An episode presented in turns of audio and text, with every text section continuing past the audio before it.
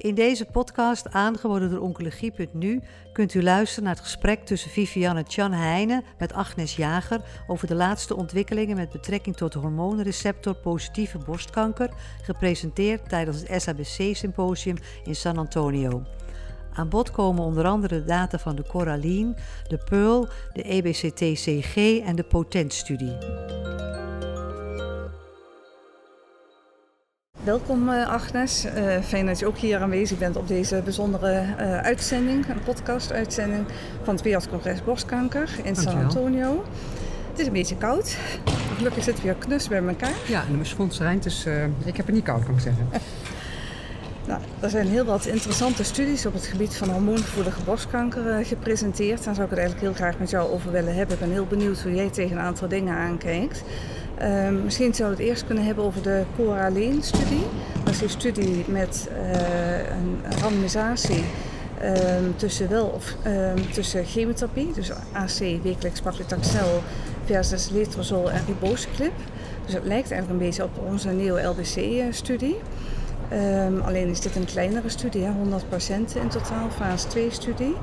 Uh, ik ben heel benieuwd wat jij nu vond van deze studie. Qua opzet, uh, zag je daar nog bijzondere dingen in? Of wat vond je van de uh, resultaten die gepresenteerd zijn?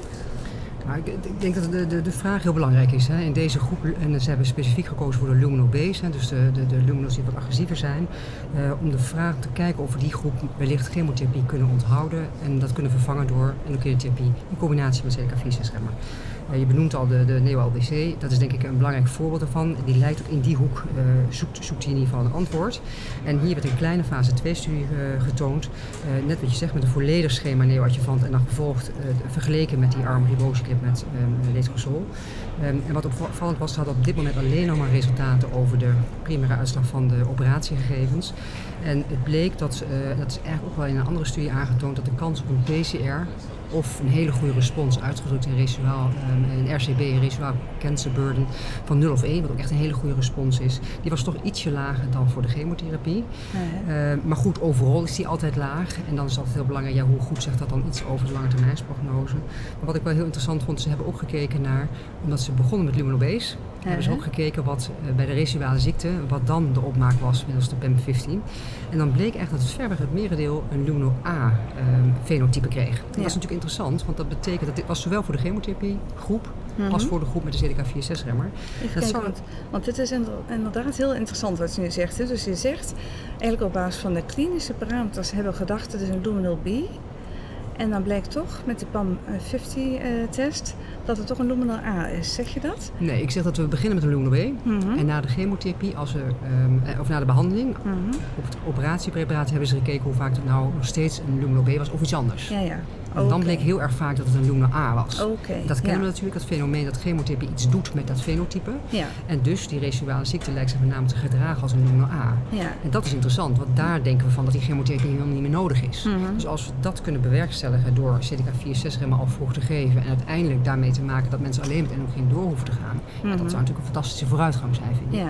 Dus ja, dat vond ik eigenlijk uh, boeiend. Het bevestigt maar weer dat dat een hele potente combinatie is. En ja, ja ik denk echt dat er, dat er een niche is voor luminobase. Ja. Ja, dat gaat deze studie niet doen, kleine aantallen, geen langetermijnsfollow-up, mm -hmm. maar ja. ik denk wel veelbelovend. Wat ik zelf nog dacht, hè, uh, dit is dus in feite een studie waarvan gekeken wordt, kunnen we nu patiënten chemotherapie vrijhouden en zouden we daarvoor in de plaats uh, hormoontherapie plus CDK4-6-remmer kunnen geven. Um, uh, als het gelijkwaardig effectief is, hè, dus stel dat die PCR-cijfers straks voorspellend gaan zijn voor de totale overleving, dan hebben we wel gewonnen in kwaliteit van leven, denk ik. Maar dan hebben we dus eigenlijk qua effectiviteit niks veranderd. Ja. Uh, klopt, hè? Uh, klopt ben ik helemaal met je eens. Uh, dus ja, we zijn er nog niet. Hè. Je, hebt, je hebt daar geen winst geboekt in die prognose die altijd nog weer beter moet bij die hormoonreceptor-positieve. Ja. Zeker. Um, maar dat is weer de de-escalatie. Hè. Dus ja. we moeten niet vergeten ook daar toch te proberen te de-escaleren gezien de toxiciteit van de chemotherapie. Um, dus dat is wat deze uh -huh. vraagstelling is. En dan ja. moeten we nog steeds nadenken hoe we die residuale ziekte die er uiteindelijk blijft en toch die lange termijn uh, recidieven oplevert, hoe we die ook aan gaan pakken. Ja, want uh, er is ook een aantal studies waarbij er wordt gezegd we geven eerst chemotherapie. Bijvoorbeeld de Ballas-studie of de uh, Monarch E-studie, waarbij men in feite eerst dus chemotherapie heeft gegeven bij een groot deel van de patiënten. En daarna hormoontherapie of hormoontherapie plus een CDK4-6-remmer. Daar is dus in feite een escalatiestudie. Hoe denk je dat die verhoudingen zijn? Denk je dat er ooit een tijd gaat komen dat we zeggen van deel van de patiënten gaan misschien wel escaleren. De echt super hoog risico patiënten, misschien lymfeklier uh, duidelijk positief en allerlei biologisch uh, ongunstige factoren. En dat we zo'n middengroep hebben dat, waarvan we zeggen chemotherapie is daar misschien wel een overbehandeling. Hoe kijk jij dat tegenaan? Nou, we zijn natuurlijk ook bezig om daar uh, binnen de boog ook ideeën over uit, uh, uit, te rollen. Ik denk dat je heel erg uh, gebruik kunt maken van het meten van residuale ziekten. Ja. Met andere woorden, we weten, en dat is vandaag ook getoond, misschien kunnen we meteen dat bruggetje slaan naar de EBCTCG-data. Ja. Dus langetermijnsdata die gekeken heeft naar hoe nou de prognose is van vrouwen na vijf jaar endocrine therapie. Nou, dat weten we. Een paar jaar geleden in New England, die, die, echt die schok, schokkende uh, cijfers, dat die, dat die curves die blijft maar stijgen en die heeft geen plateau. Dat hangt dan af van je T en je N-stadium, hoe, hoe stijl die is. Ja. Um, en, um, dus we moeten daar echt meer doen dan we doen. En extended hormonale therapie is een vorm, CDK4-6-remmer is een vorm. Ja. Maar heel eerlijk gezegd denk ik dat we daar de winst in gaan boeken door al die mensen daarmee te behandelen. We moeten ja. een preselectie doen. En ik geloof heel erg in het zoeken naar residuale ziekte. En daar hebben we alle technieken nu voor in huis. Uh -huh. We moeten dat volgens mij in gaan zetten om die groep te selecteren die meer moet doen. En of dat nou dan een extended hormonale therapie juist moet worden, of dat je aan die extended hormonale therapie iets moet toevoegen. Dus uh -huh. groep goed selecteren en dan escaleren zou ik denken. Ja. Maar niet iedereen maar escaleren. Daar geloof ik niet in. Ja. Had je de studie gezien van de EBCTCG waarbij men keek naar, naar prognose-inschatting? En uh, wat ik daarvan interessant vond, was dat men uh, zag dat patiënten die voor 2000 waren gediagnosticeerd een slechtere prognose hadden dan patiënten na 2000. Ja. Snap jij hoe dat kan? Of wat zijn jouw gedachten daarover? Nou, het grappige is dat er werd gezegd dat, dat ze mogelijk dachten aan stage migration. Mm -hmm. uh, met andere woorden, als je nu iets bepaalt dat je met de sensitieve methodes die we hebben, dat je een vroeger stadium kunt ontdekken. Nou, heel eerlijk gezegd geloof ik daar helemaal niet in, want dat is meer het idee waarom we nu, denk ik, meer mensen genezen overal. Uh -huh. Dat we er gewoon, ja, hebben overal qua, qua, stadium hebben, hebben ze eerder bij. Maar ik geloof heel, heel erg dat het toch de therapie-effecten zijn. Dat moet de introductie van de aromatase-remmer zijn. Ik denk dat dat de meeste winst is. En misschien nog chemotherapie, uh -huh. maar misschien toch wel met name voor die hormoonreceptor positieve de introductie van aromatase-remmers. Nou ja, want als je doortrekt, uh, stel je zou zeggen het is wel waarheid. Hè, dus de prognose is veranderd. Dus er is iets wat we niet helemaal precies uh, kunnen bevatten wat er veranderd is. Um, dan kloppen de predictiemodellen feitelijk niet meer.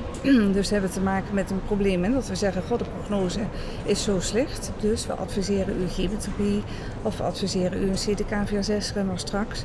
Um, hoe vaak zou je predictiemodellen moeten updaten? Want dat is natuurlijk best een lastig iets, want je wil eigenlijk naar de lange termijn kijken. En tegelijkertijd weet je dat getallen van 10, 20 jaar geleden niet meer de patiënten van ja. nu zijn. Nou, ik denk dat je een heel terecht punt uh, uh, op, opwerpt. Uh, daarom moeten we ook niet naar predictiemodellen. We zoeken al heel erg lang naar de late recurrences. Hè, om mm -hmm. te kijken of we die goed kunnen voorspellen. En eigenlijk de enige die overeind blijft is de, T-stadium, N-stadium en de CT5. En waar ook nog een presentatie over was. Ja. Nou, dat is eigenlijk een samengestelde maat waar ook die, die T- en N-stadium heel duidelijk in zitten. Ja. Ik geloof niet dat we daarin moeten zoeken. Juist mm -hmm. om dat fenomeen wat jij zegt. En ik denk dus dat we gebruik moeten maken van de nieuwe technieken om die residuale ziekte aan te tonen. Ja. Want dat is precies wat je aan een patiënt uitlegt. Ik weet ja. niet of u die achtergebleven cellen heeft, maar als u ze heeft, heeft u er baat bij. Ja. Althans, kunt u er baat bij hebben. Precies. En dat zou toch mooi zijn als het de residuale ziekte wel kan aantonen. Want dan heb je in ieder geval de groep te pakken waar je zeker weet waar je iets wil doen. Ja. Dat zou winst zijn. Dus ik denk dat we veel meer daarop moeten inzetten. Ja, want als je het hebt over residuale ziekte en het punt wat je net eerder al aanstipt, hè, dat er uh, in die eerder New England paper te zien was dat zelfs aan 20 jaar ja. toch die ER-positieve mammocarcinoom uh, maar blijven optreden. Um, er is nu weer opnieuw een update gegeven van de NSAPP B42-studie. Dat is die studie met verlengde hormoontherapie, aromatase-remmers. Een klein deel van die patiënten kreeg eerst nog tamoxifen, merendeel startte ook meteen met een aromatase-remmer. De follow-up is nu verlengd tot 9,3 jaar. Men zag wel weer opnieuw een verschil van de ziektevrije overleving, maar totale overleving was niet echt verschillend. Dus ergens denk ik, ja, dat langer doorgaan met behandelen, dat, dat is zwaar voor patiënten alle sorry, bijwerkingen die erbij bij een rol spelen. Daar zit niet de oplossing. Dus dat is toch ook wel zoeken naar de beginfase te intensiveren. Um, in de hoop dat we het latere probleem kunnen oplossen. Kijk jij er ook zo tegenaan? Nou, beide. Ik denk dat je gelijk hebt dat je, dat je in het begin uh, nog moet kijken of je daar meer kunt doen of het anders kunt doen. Dat denk uh -huh. ik wel. Um, uh, maar dan kom ik weer terug op hetzelfde fenomeen. Je moet gewoon een betere selectie hebben van de mensen die die residuale ziekte hebben. En ja. Ja, ik denk echt dat, in de, dat, dat, dat, dat een ja, dat het een continuum is. iedere keer ehm, het feit dat je na 10 jaar of na 15 jaar nog steeds recidief hebt. Mhm. Ja ja, ik, ik, denk dat we naar de regionale ziekte zouden moeten. Ik was wel benieuwd wat je er zelf van vond, want je hebt natuurlijk zelf bij je PI geweest van de datastudie. En uh, ja, dat is ook een van die studies die nadenkt over langer doorgaan met aromatase-remmers dan de 2,5 tot 5 jaar. Ja. Uh, dit is uh, een van die drie andere studies die nu met, als eerste met de langetermijnsdata komt. Hoe, zag jij dat? Ja, ik denk um, dat uiteindelijk niet de oplossing is om nog steeds langer door te gaan. Want je houdt patiënten gewoon lange tijd patiënt. Dus ik zou liever willen dat we kort en krachtig en intensieve behandeling geven eventueel tussendoor gaan opvolgen. Bijvoorbeeld circulaire tumor-DNA, daar waren een paar heel interessante presentaties van.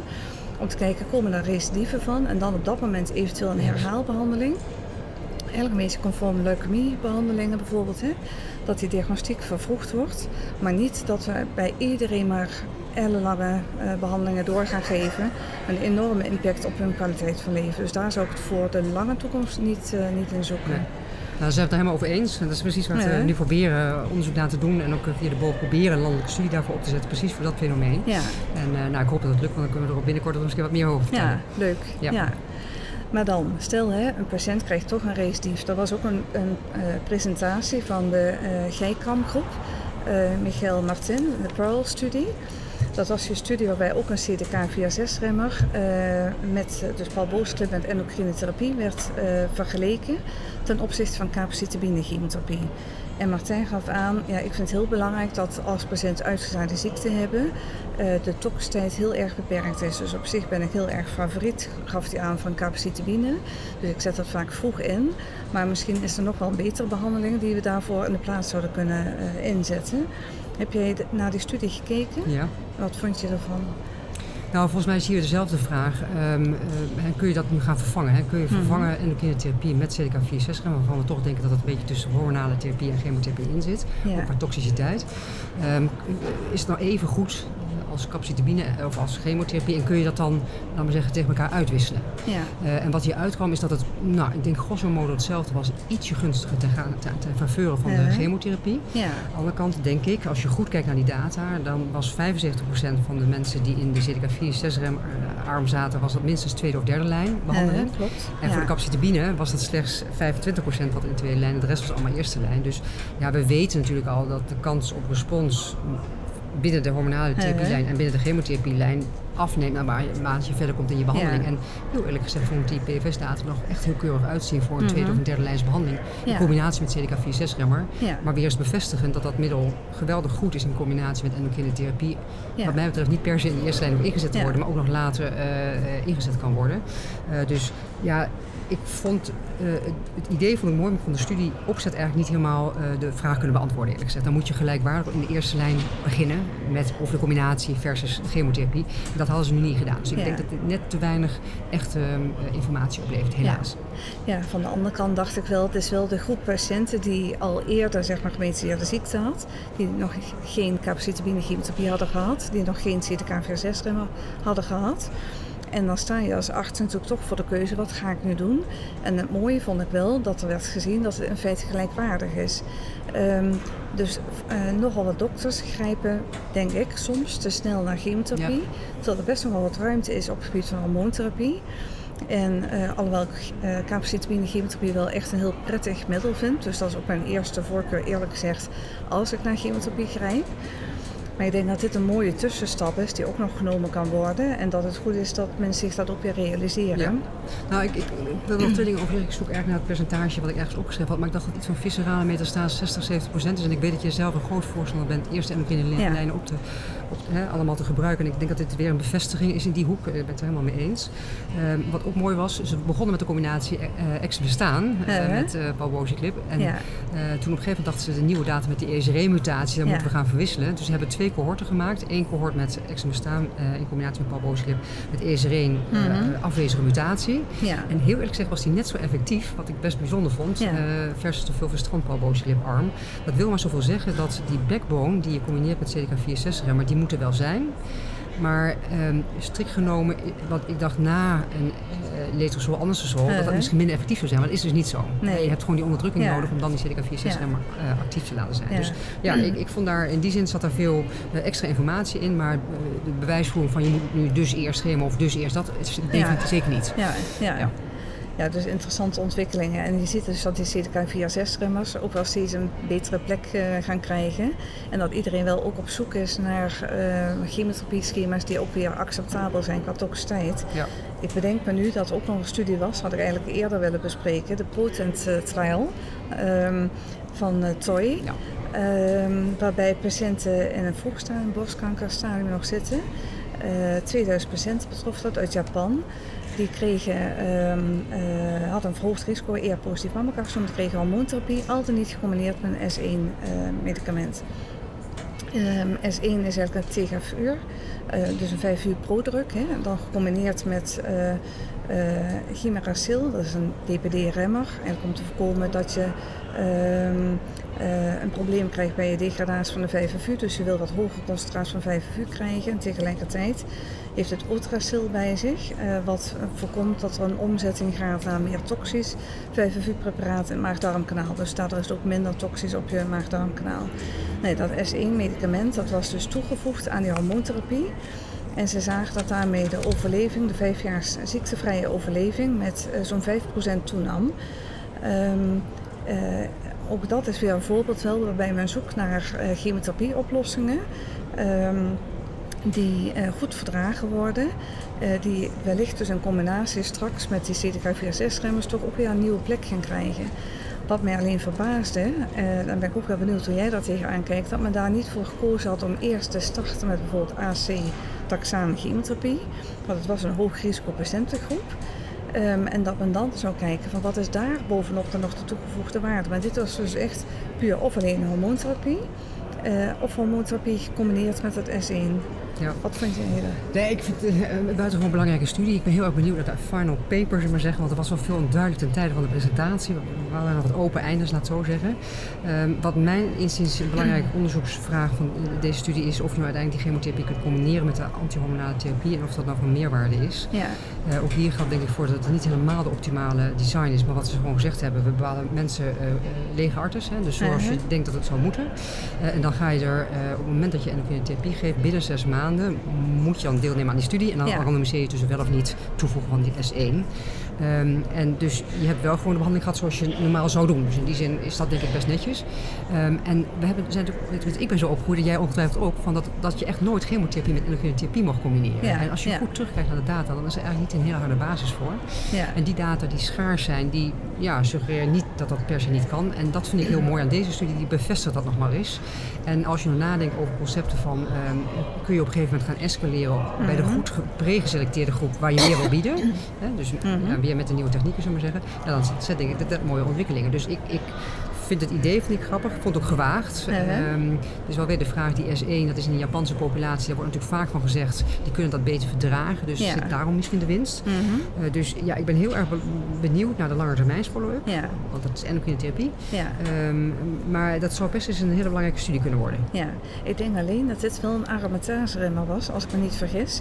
Terwijl juist van de tamoxifen en de chemotherapie, en met name als het 5-U-preparaten zijn, daar waar biologische uh, tegengestelde effecten zijn. Dus ik neem in aan dat het een aromatase Het was een aromatase, ja. dat klopt. Omdat ze zeggen dat in cellijnen aangetoond is Mhm. dat tamoxifen niet werkt. Dan denk ik altijd, ja, cellijnen zijn geen mensen. Ja. Maar goed, ze hebben in ieder geval gekozen voor een aromatase-remmer. En dat is gecombineerd Ja. met het uh, dat klopt, ja. Nou, volgens mij hebben we zo'n beetje het Ja, congres uh, laten passeren, Ja. Agnes. dus ik ben ontzettend blij met uh, jouw, uh, leuk. jouw antwoord. Ik vond het ook heel, heel uh, leuk. Ik denk dat we het hierbij gaan afsluiten. Zeker, Nee nou, succes nog. Ja, dankjewel. Luister ook naar de podcast van Vivianne Jan Heijnen met Sabina Lin over triple-negatieve borstkanker en met Gabe Sonke over HER2-positieve borstkanker, opgenomen in San Antonio.